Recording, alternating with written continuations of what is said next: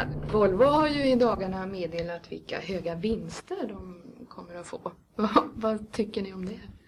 Ja, det är ganska magstarkt när de går ut.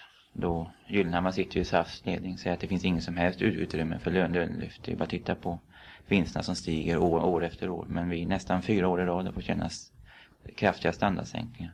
Så vi ser det bara som en ren provokation från företaget och komma ut med det just nu också. Mm. Är ni glada över att uh, det äntligen har blivit strejk? Nej, det är ju ingen som är glad åt en strejk i sig. Det är en sak som man tvingas till i ren självbevarelsedrift. Det är Arbetsgivarföreningen som genom sitt envisa fasthållande vid sitt nollbud att de är fast beslutna att sänka arbetarnas levnadsstandard det här året också. Så det är en ren försvarsåtgärd från fackföreningsrörelsens sida. Mm.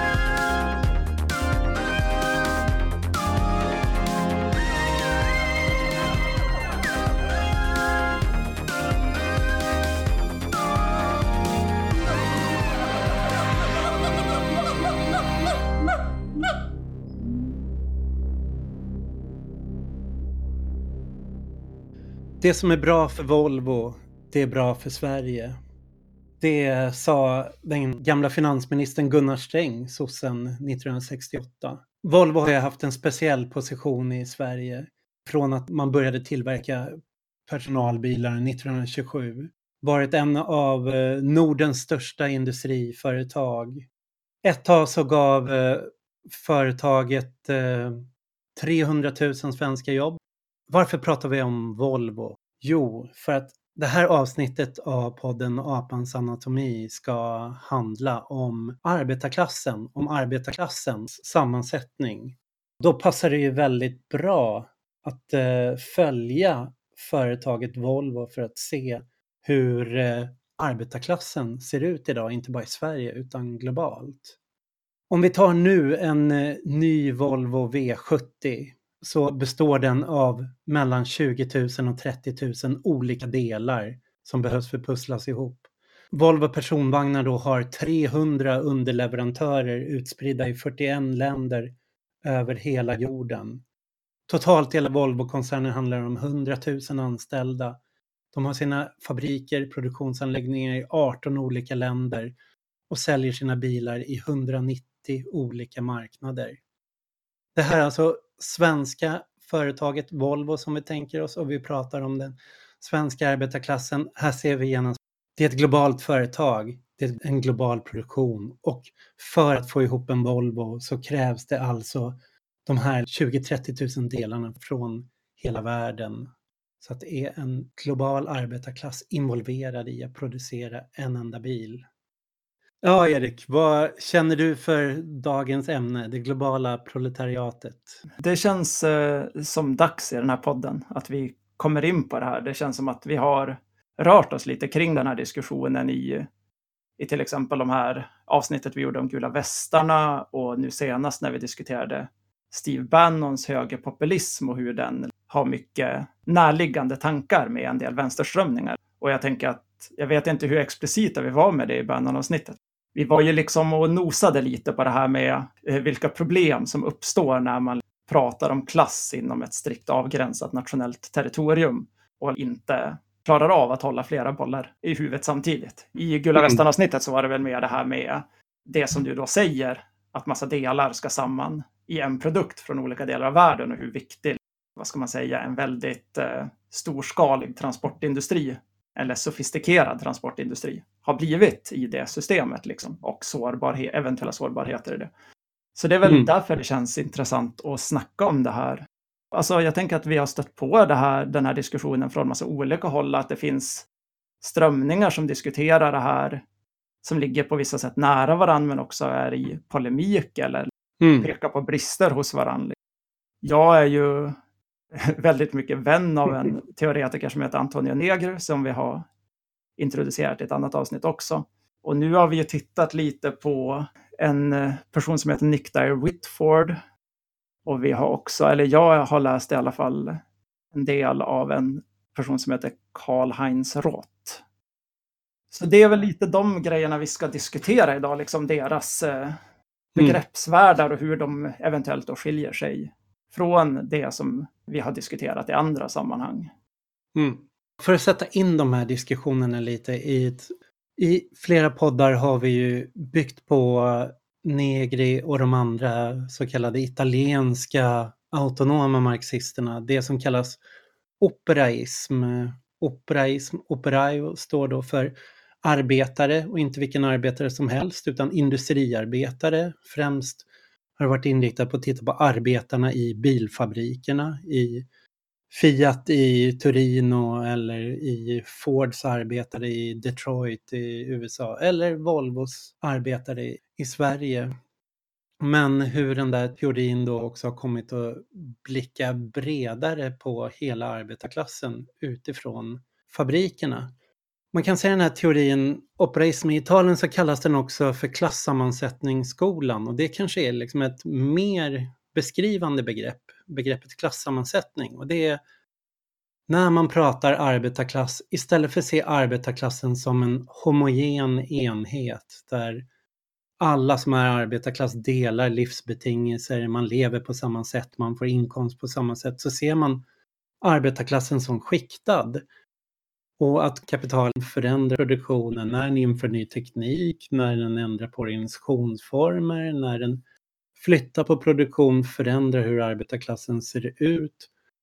Vilka delar av arbetarklassen som privilegieras eller tappar position vilka nya delar av arbetarklassen som tillkommer.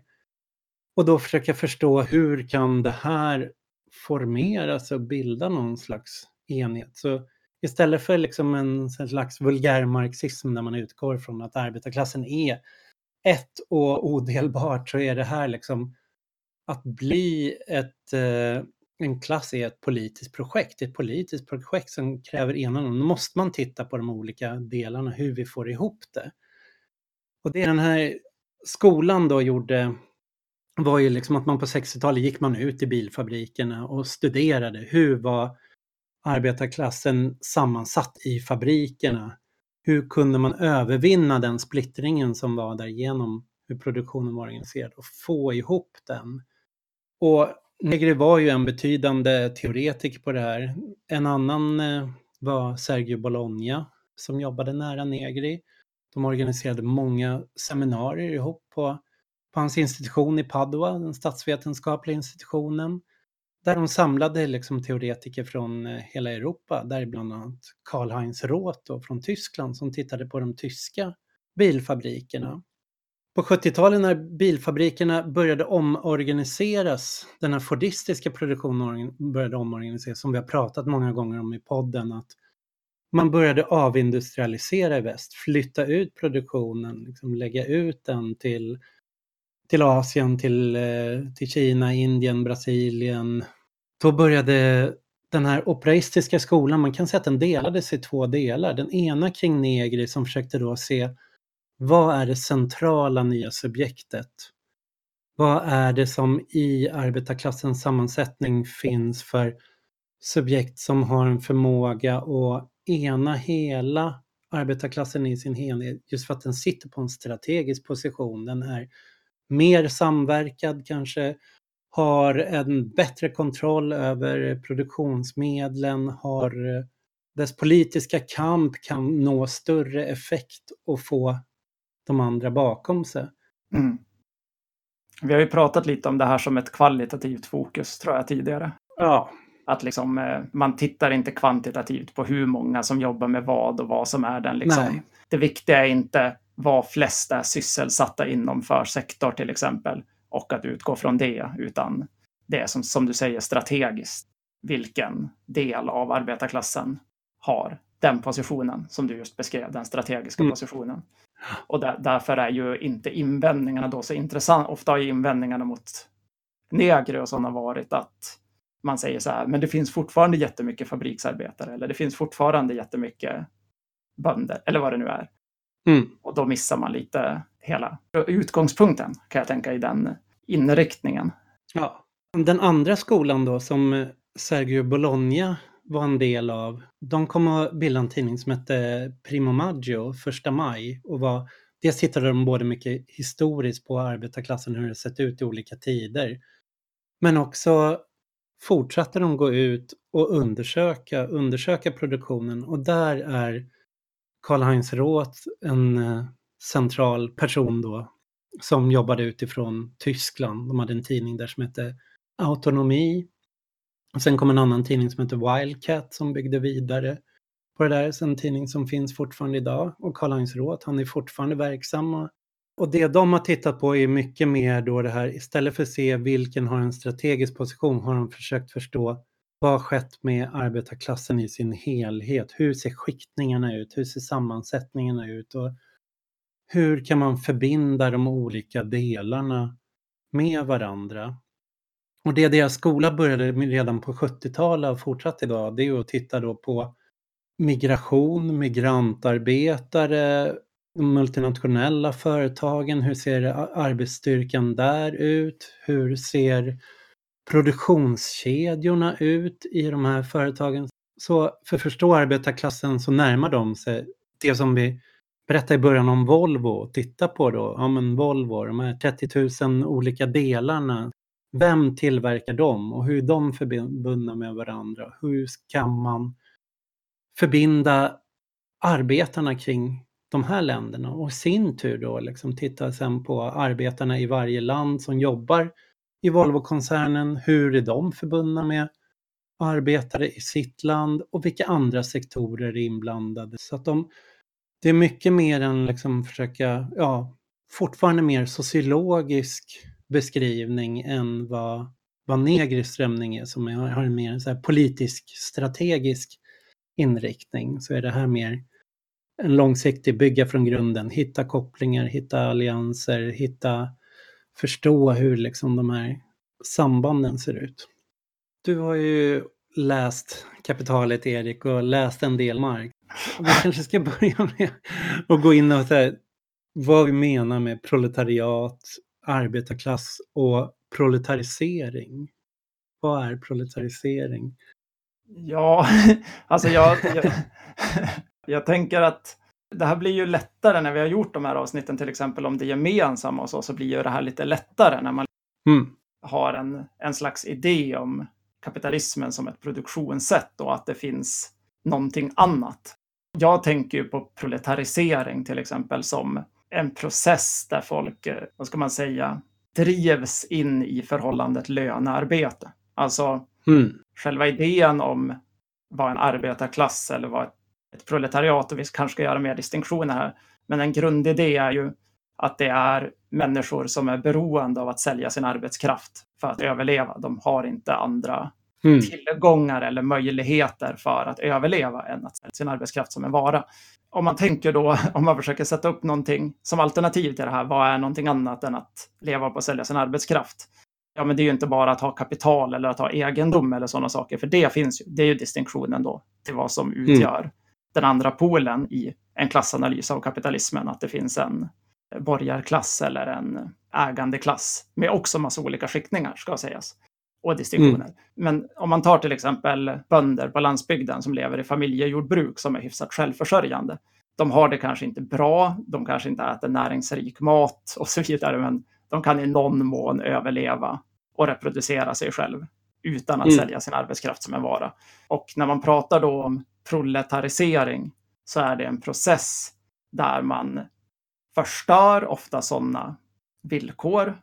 Alltså mm. man omöjliggör för människor att överleva på andra sätt och driver dem in i positionen att vara proletärer, att måste sälja sin arbetskraft. Och det där kan ju vara mer subtilt. Om man tittar på slutet av 1800-talet i Sverige till exempel, kring sågverken så var den dominerande gruppen var personer som hade ett eget jordbruk och delvis överlevde på att ha en ko och odla lite potatis och så. Men man var mm. också tvungen att i viss mån sälja sin arbetskraft för att överleva. Och då är man i en slags mellanläge.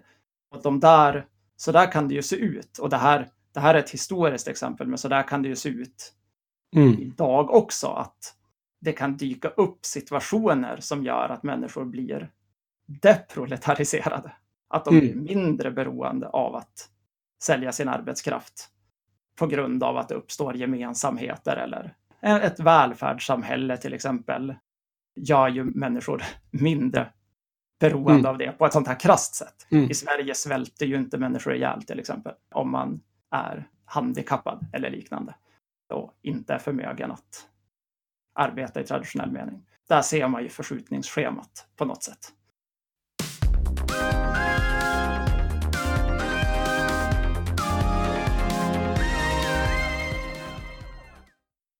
Proletariatet är också så, om man tittar på olika marxistiska traditioner så används begreppet lite olika.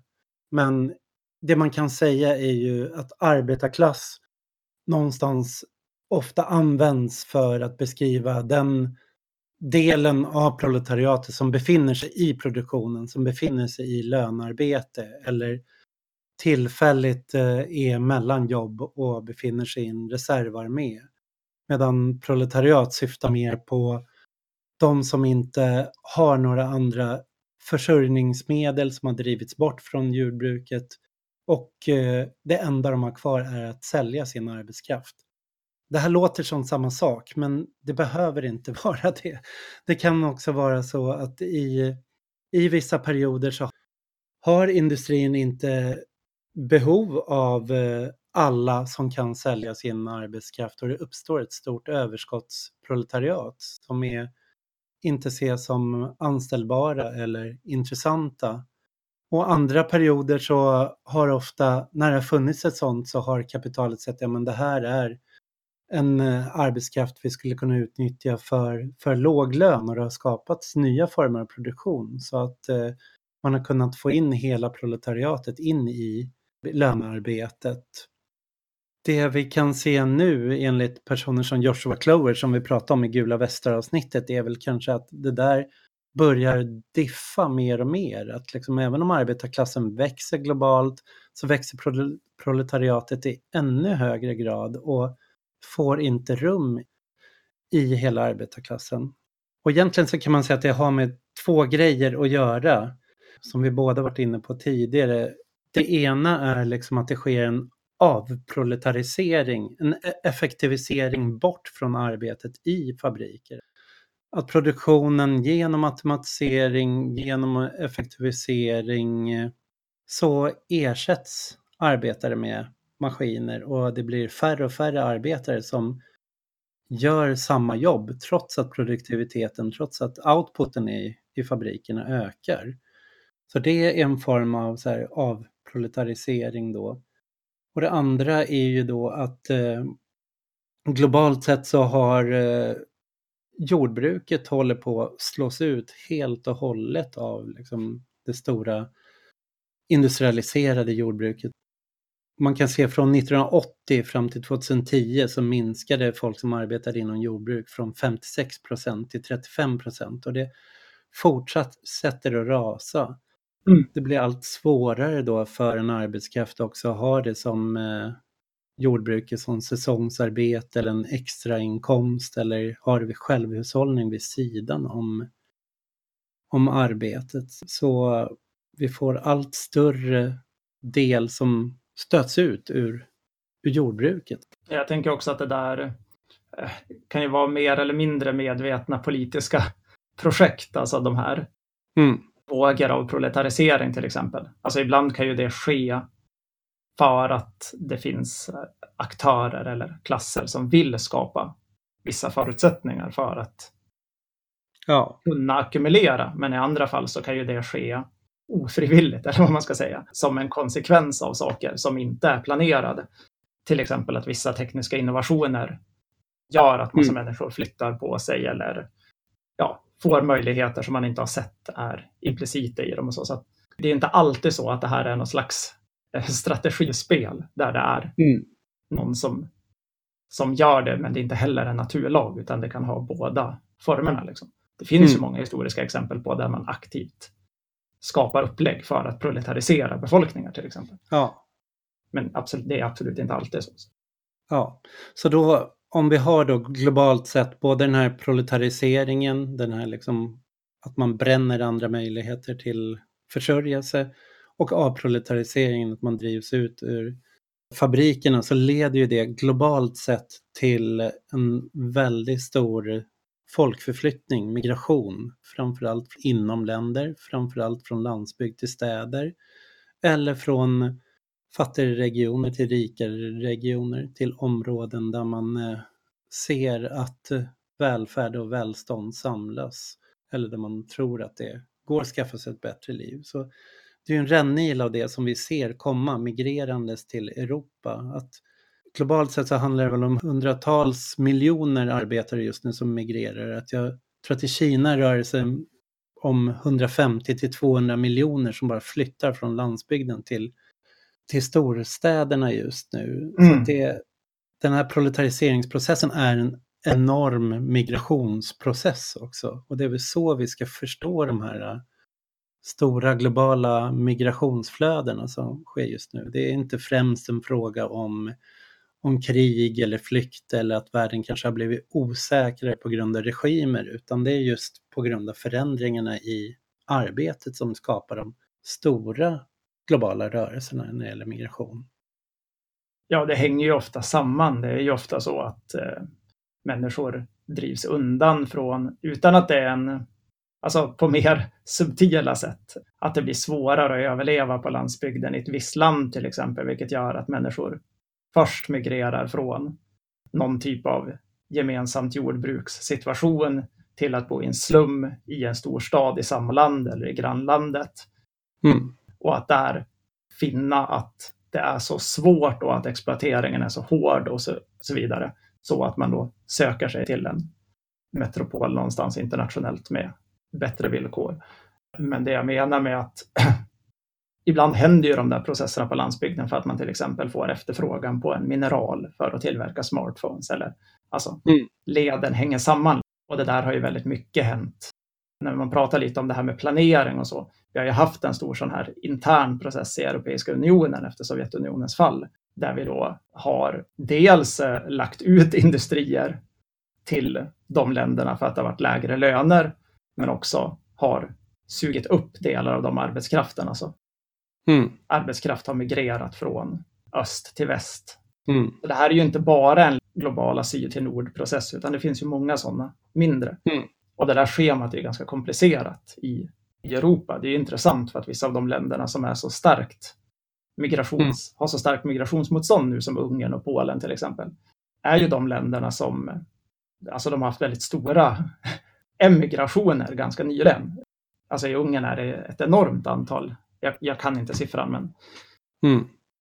det är liksom någon miljon på sex eller så som har liksom lämnat landet för övriga EU. Vi har de där stora rörelserna kan man väl säga att eh, proletariatet rör sig dit där jobben finns eller där de tror jobben finns.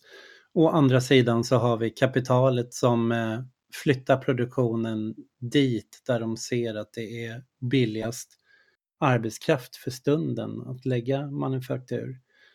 Och det intressanta då att få några siffror på det här att där Nick Dyer Widford och Karl-Heinz Roth och så när de skriver om det så beskriver de det som att det globala proletariatet idag handlar om eh, 3 miljarder personer som befinner sig i det. Och så, så stort har det historiskt sett aldrig varit. Men av eh, det här 3 miljarder så är det, kan man säga att hälften av det befinner sig i någon form av lönarbete, det vill säga en form av arbetarklass. Mm. Det vi skulle kalla liksom eh, arbetarklass eh, med. Mm. Och resten då, då den andra 1,5 miljarderna, de befinner sig i, som proletariat och rör sig mellan olika former av massarbetslöshet, säsongsarbetande småbönder som befinner sig i självhushållsjordbruk. De kan vara självanställda som egenföretagare, det vill säga liksom någon form av små frilans eller gatuförsäljare, små butiksägare eller jobba inom den här gig-ekonomin och, och ta tjänster. Eller så kan de befinna sig i den så kallade informella sektorn som kan vara allt som inte är arbetskontrakt-relaterat. Det kan vara liksom kriminalitet eller det kan vara svartarbeten eller ja, bara småtjänster som, som sker i liksom runt omkring. Mm. Och så kan de också befinna sig i ofria arbetsrelationer, det vill säga att det fortfarande finns kvar slaveri eller de är skuldsatta eller jobbar i arbete som bedrivs inom fängelser eller militären eller åtgärdsplacerade eller olika former av workfare så att de är Mm. inte riktigt fria att välja det själv utan är, har placerats i det. Det liksom motsvarar den andra halvan av så att säga det globala proletariatet. Och det intressanta med det här att titta på det då, liksom, om man kan se att som negrer de, de skulle ju titta på liksom var är det centrala inom vissa, vad är de högst avancerade formerna av produktion och se hur arbetarklassen är sammansatt där. Men här ser vi, om vi tittar på arbetarklassen på det här sättet som tre miljoner, då ser vi att eh, alla former, att det finns här feodala strukturer kvar, det finns fordistiska strukturer kvar, postfordistiska former att organisera produktionen och alla de här existerar sida vid sida, vid varandra. Det är inte så att ett har ersatt och slagit ut allt annat utan när en ny form av mer avancerad produktion liksom inrättas så kommer den att strukturera de andra runt omkring sig.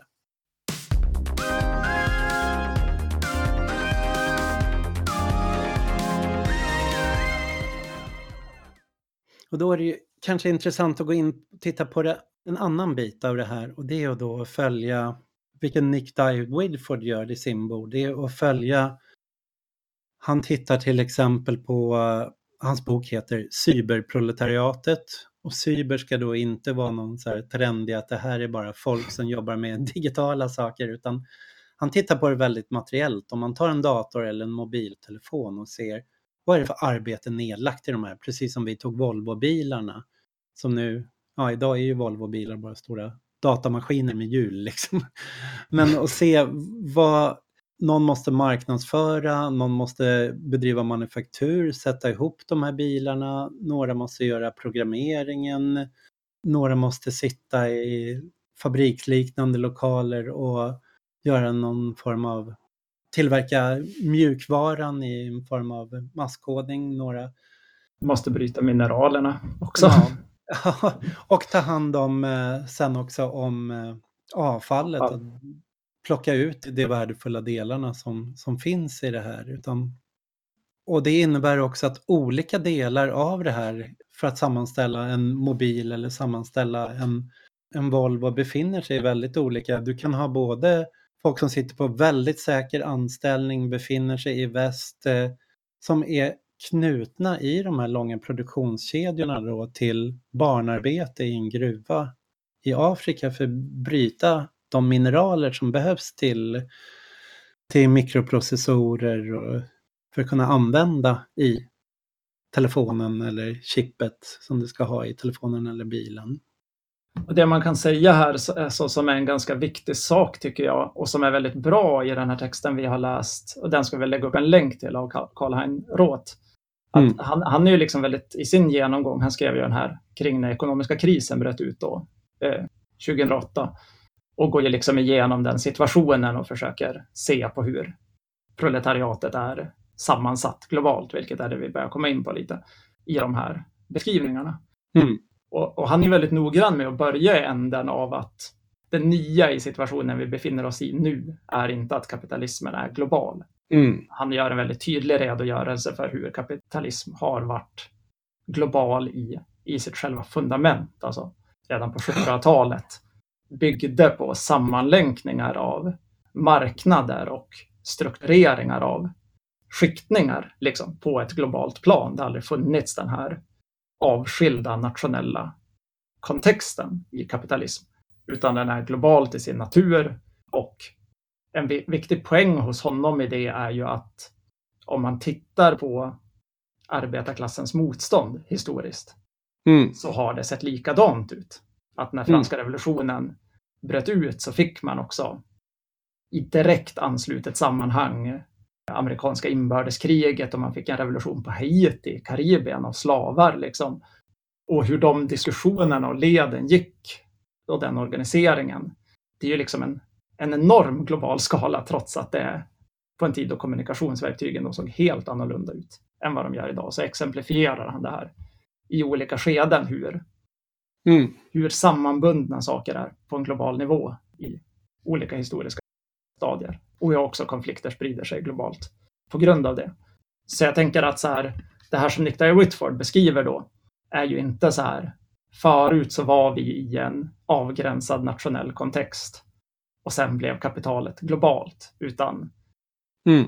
det är ju mer hur, hur stora möjligheterna har blivit att göra det här komplext. Att ha så här många finmaskiga led på grund Mm. av då till exempel algoritmer och en transportindustri som lätt kan, som kan röra sig fort, som kan navigera om saker på eh, enkla sätt. Alltså. Det, det, det data ger någonstans i, i den här Mm. ekvationen är ju liksom väldigt sofistikerad styrning av. Så att den, uppdelningen blir kanske gentemot då ett annat historiskt skede för länge sedan. Att flera saker, det inte nödvändigtvis så att det, det högsta stadiet utförs i väst och det mest primitiva i Afrika kan vi säga. Mm. Utan det finns liksom en finmaskighet där en medelgrej kan finnas i Afrika och en ganska låg grej kan finnas i Sverige. Och det är Mm. också det sammanhanget vi rör oss mot. Är ju liksom, det är det som är intressant när, man då, när vi pratar om Bannon och följer hans syn på Kina och det här och hans projekt att vilja återindustrialisera USA och att man förstår de här implikationerna i det av att man då måste göra en ganska hård för proletarisering av människor för att kunna konkurrera Mm.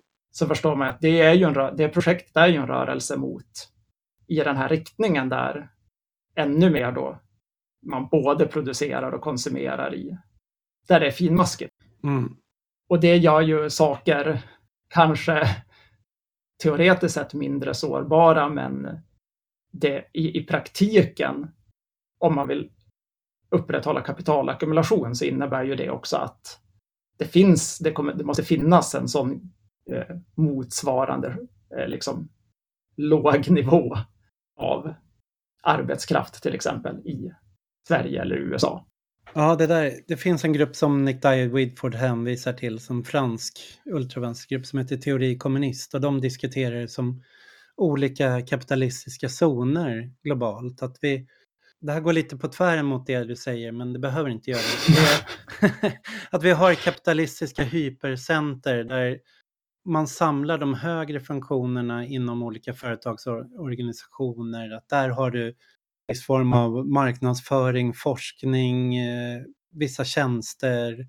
Det är hög lön och du har rätt mycket välfärdsprivilegier och bo i de här kapitalistiska hypercenterna. Sen har du en sekundära zoner där det är mer olika former av eh, mellanled när det gäller högteknologi, logistik, kommersiell distribution. Det är, här är arbetsförhållanden mer osäkra anställningar och det är ungdomar som jobbar. Man kan väl se att de eh, i USA tror jag de tar som exempel att General Motors var förr den största arbetsgivaren där i USA men nu är det Walmart som har gått om det och anställer Mm. fler liksom, som, som arbetar inom servicen och säljer varorna.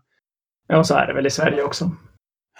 Och sen så har du då de mer svårdefinierade zonerna i periferin där det sker manufaktur och eh, montering och även sen sönderplockande av liksom avfallet. Och där flyter, vad man ska säga, där finns ett nyproletariat som är, Roth beskriver det att det är rätt, det har rätt sett konstant ut. Proletariatet, alltså vad man ska säga, industriarbetarklassen har varit rätt konstant i världen.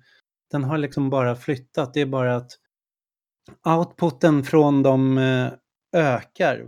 Ja, men om det produceras fler varor på färre arbetare så måste ju Ja, eh, fler varor säljas och då måste det ju finnas fler reklamare och det måste finnas fler människor som jobbar i detaljhandeln och så vidare i transportleden. Och då får man ju liksom en relativt, mm. alltså den gruppen blir ju relativt mindre om ja den producerar effektivare och ökar behovet av andra led runt omkring sig liksom, som realiserar det värdet.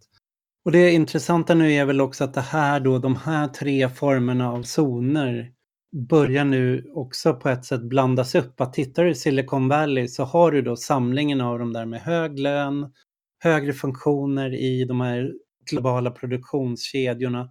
Men samtidigt så har du städare, du har papperslösa som eh, sköter mat, eh, städning, gör en massa.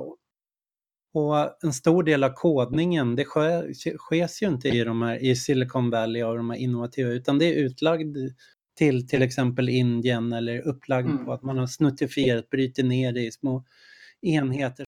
Ja, men det är business as usual idag om man liksom har kontakt med, med sådana näringar och så. att att man beställer kodar i Indien, liksom, i Sverige, när man ska, alltså för grovjobb. Ja. Liksom. Det är inte en sci-fi grej, utan det är verkligen så det är. Du sa lite att det kan låta som att det där går på tvären med det jag säger. Mm. Liksom. Jag sa egentligen inte att vi är fullständigt vid den punkten, utan jag sa att paradoxalt nog så kan ett sånt här nationalistiskt, ekonomiskt nationalistiskt projekt snarare driva på ytterligare mm. att vi hamnar i den situationen än vad det kanske hävdar sig vilja göra, vilket är att skydda vissa grupper från den mm. situationen. Mm. Det är liksom ett kontrollerat sätt att i ett visst territorium skapa en sån Mm. Att mer, mer strukturerat skapa den skiktningen. Liksom. Men det är ändå mm. det man måste göra för att annars förhåller man sig inte till verkligheten. Annars är det liksom populism i meningen. Mm. Den, den, är ogenomförbar. Ja. För att den måste ha en ackumulationsstrategi. Och sen håller jag med dig om det är klart att Nigerias huvudstad eller Kinshasa eller någonting är ju inte Stockholm mm. just nu. Nej. Däremot är det ju förhållandevis ett litet avstånd mellan Stockholm och Seoul till exempel. Mm. Och det börjar ju finnas grupper med ganska liknande levnadsvillkor i saker som tidigare var väldigt delade, alltså ja. på stor skala delade centrum och periferier. Liksom. Så mm poängen är väl att, som du säger, liksom, att de här avgränsningarna finns fortfarande, men de, de lagren kan bli intima, nära varandra liksom i, i en geografi. De kan ligga i utkanten av en metropol snarare än att ligga på andra sidan jorden. Liksom. Ja. Och det där, ja, det, de tendenserna är väl ganska uppenbara. Jag tycker att det är intressant att prata om det här för att när man pratar om det på en global skala och en sån här synvinkel så börjar man ju se att den här typen av svar då, som är bakåtblickande på välfärdsstaten, att de mm. är väldigt eh, ofungerande. Och då, då har man ju ofta en utgångspunkt. Den lite mer sofistikerade utgångspunkten är ju ofta att vi var i en liknande situation i slutet av 1800-talet. Mm. Alltså en väldigt eh, glo globaliserad och kosmopolitisk situation som sen på något sätt eh, svarades mot med mm. en sån här konsolidering av nationalstaterna. Och där för man ju ofta bort parentesen, eller man gör parentes av två världskrig och den enorma kapitalförstörelsen och liksom allting det som skedde mm. precis där. Som ju också då Roth tar upp i sin text. Att mm. så här, det, det är därför vänstern måste diskutera det här på en global skala. Det är för att det inte ska, svaret inte ska bli korkad ekonomisk krigsföring mellan mm. territorier liksom, i bristen på en lösning. Dit vi är på väg nu. Ja.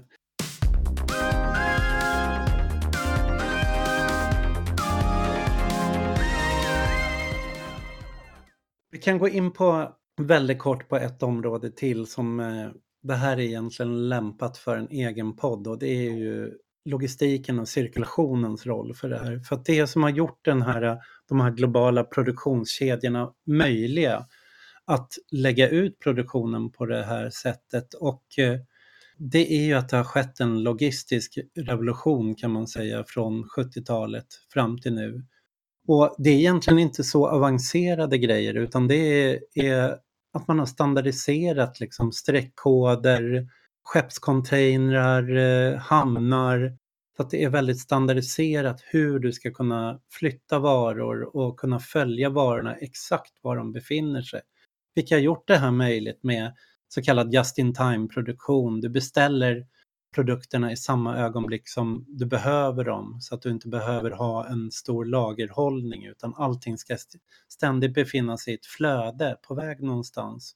Och istället för produktion i stora fabriker så får vi processande, det vill säga att varje plats, varje manufaktur eller sån som sysslar med sammanställning, de tar varor som kommer in, sätter ihop till en ny maskin skickar den sen vidare till nästa som sätter ihop den ytterligare delar. Så att det är inte på något ställe där du sitter med en Volvo-fabrik och så kommer hela Volvon och så sitter du som med en legokarta och liksom pusslar ihop den från scratch. Utan det saker byggs ihop i ett ständigt processande där varje skickar liksom sin produkt vidare som jobbas vidare på, som jobbas vidare på. Det har blivit möjligt av den här. Mm.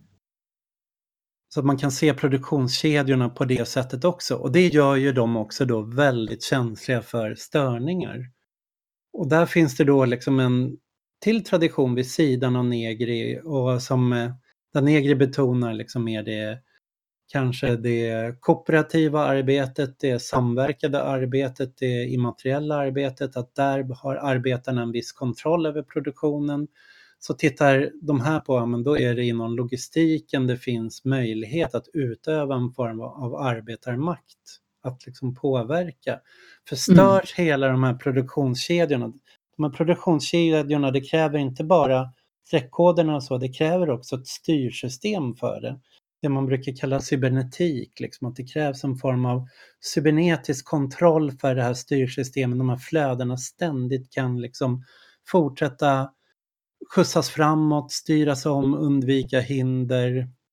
Men det innebär också att det passerar vissa noder, vissa knytpunkter, vissa hamnar och uppkommer störningar på de här processen, då blir hela kedjan också stående i och med att man inte har lager att ta på. Så att, eh, mm. Precis som löpande bandet på, på Volvo på 60-70-talet så om några arbetare tryckte på stopp då stod bilfabriken still så är det här snarare hamnen, transportarbetaren, eh, långtradarchaffisen, den som lastar som har en central position. Och det är lite det perspektivet man kan se i vikten för Socialdemokraterna liksom, och näringslivet just nu bekämpa Hamnarbetarförbundet, för att mm. ta ett exempel. Jo, men jag tycker att det är ett väldigt väsentligt exempel. Och, och man mm. kan väl, eller jag tänker mycket på liksom skillnaden mellan de här två, det du nu beskrev, den här slå mot mm. logistiken versus negri. Tendensen att det handlar lite om man så här tittar på det här, så här vad, vad, vars ligger eh, arbetarklassens, vad ska man säga, positiva maktposition att överskrida mm. sin situation. Alltså, alltså när man tittar på en fabrik till exempel så finns det ju två dimensioner. Det är ju dels den där att man kan stoppa produktionen, men det är också att när många människor är samlade på samma plats, i samma livssituation och så vidare, mm. så kan människor, alltså det går att, att spegla den formen till andra sammanhang där man liksom gör, vad ska man säga, positiva saker som går bortom kapitalismens villkor.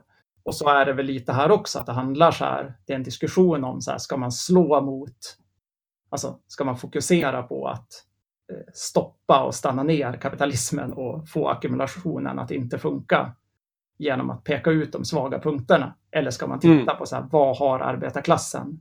Vad får den för möjlighet att träda bortom sig själv mm. i den här situationen? Till exempel i form av kunskap eller i form av nya sätt att organisera sig, att föra ut saker ur, ur produktionen till att bli gemensamheter.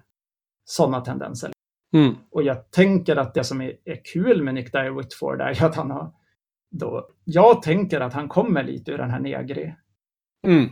positionen från början, men han, den här boken är ju som ett försök att möta de här sakerna mm. och säga lite så här, vänta nu, det där är viktigt, liksom. det är viktigt att se det här. Mm kognitiva arbetet och hur eh, det sker kooperativt och allting sånt. Men vi får inte missa hela den här kedjan. Vi får inte missa den här, de här diskussionerna om den mer traditionella marxistiska diskussionen.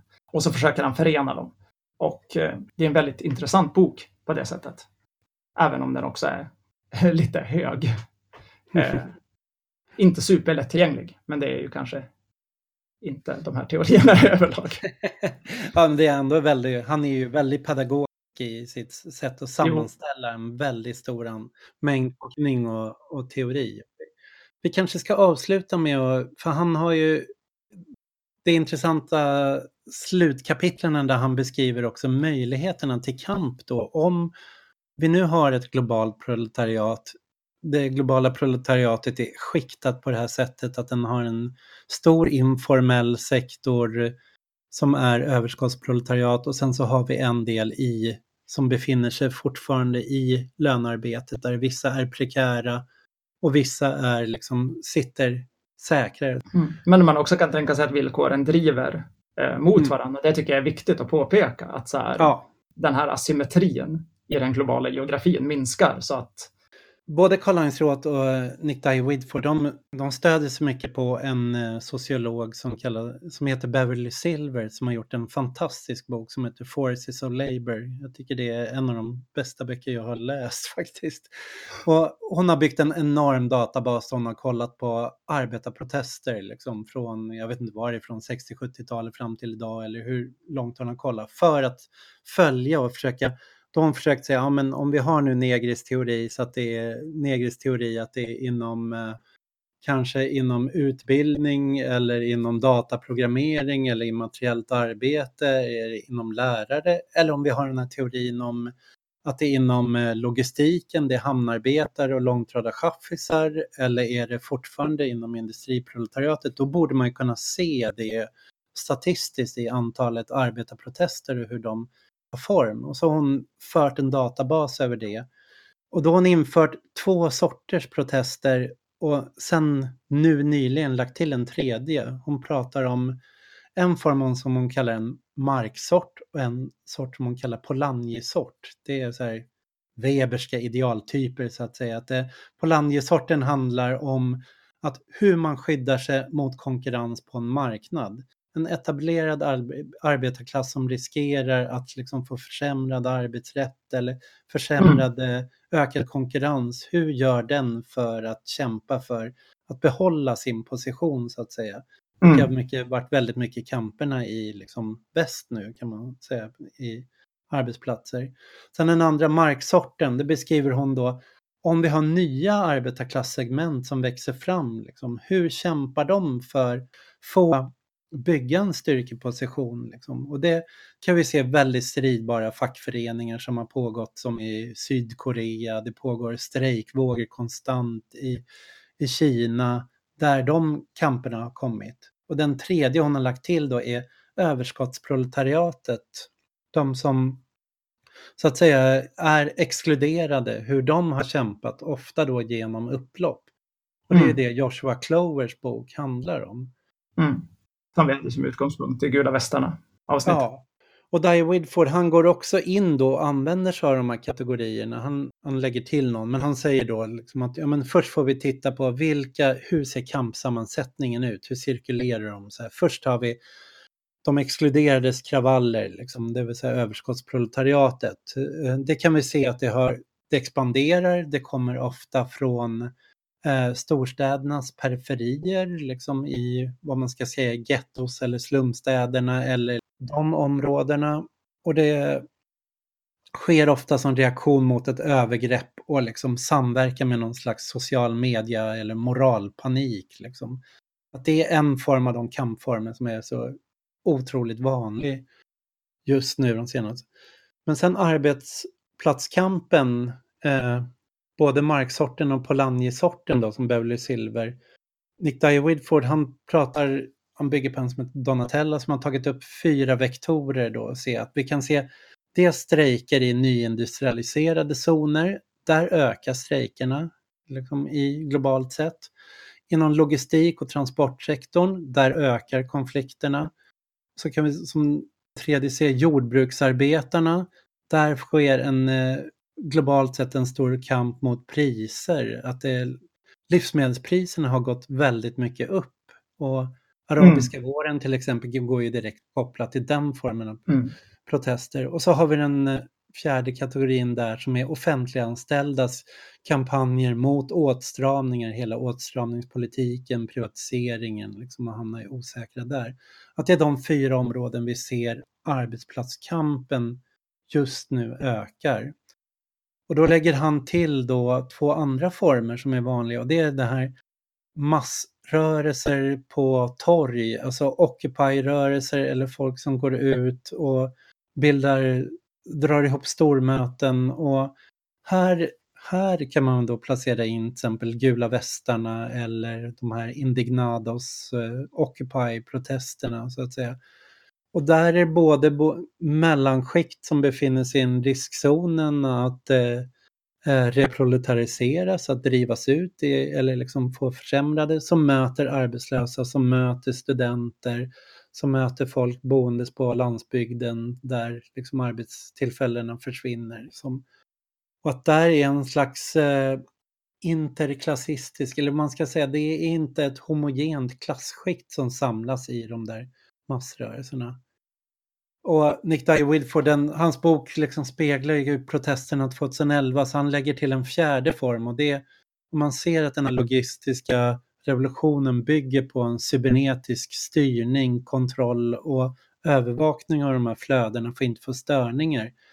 Då är ju också läckor, hackningar och sådana väldigt viktiga som riktas mot eh, kapitalets cybernetik. Och det, jag vet inte, det, det, speglar väl sin, sin tid när Wikileaks och Anonymous eh, var stora liksom. Men eh, mm. det är väl fortfarande just den där synen på att eh, den här formen av globaliserat proletariat och globaliserade produktionskedjor kräver en väldig cybernetisk kontrollapparat som är känslig för störningar. Liksom, den mm. hög. Och där finns också liksom en möjlighet till en kamparena i den här.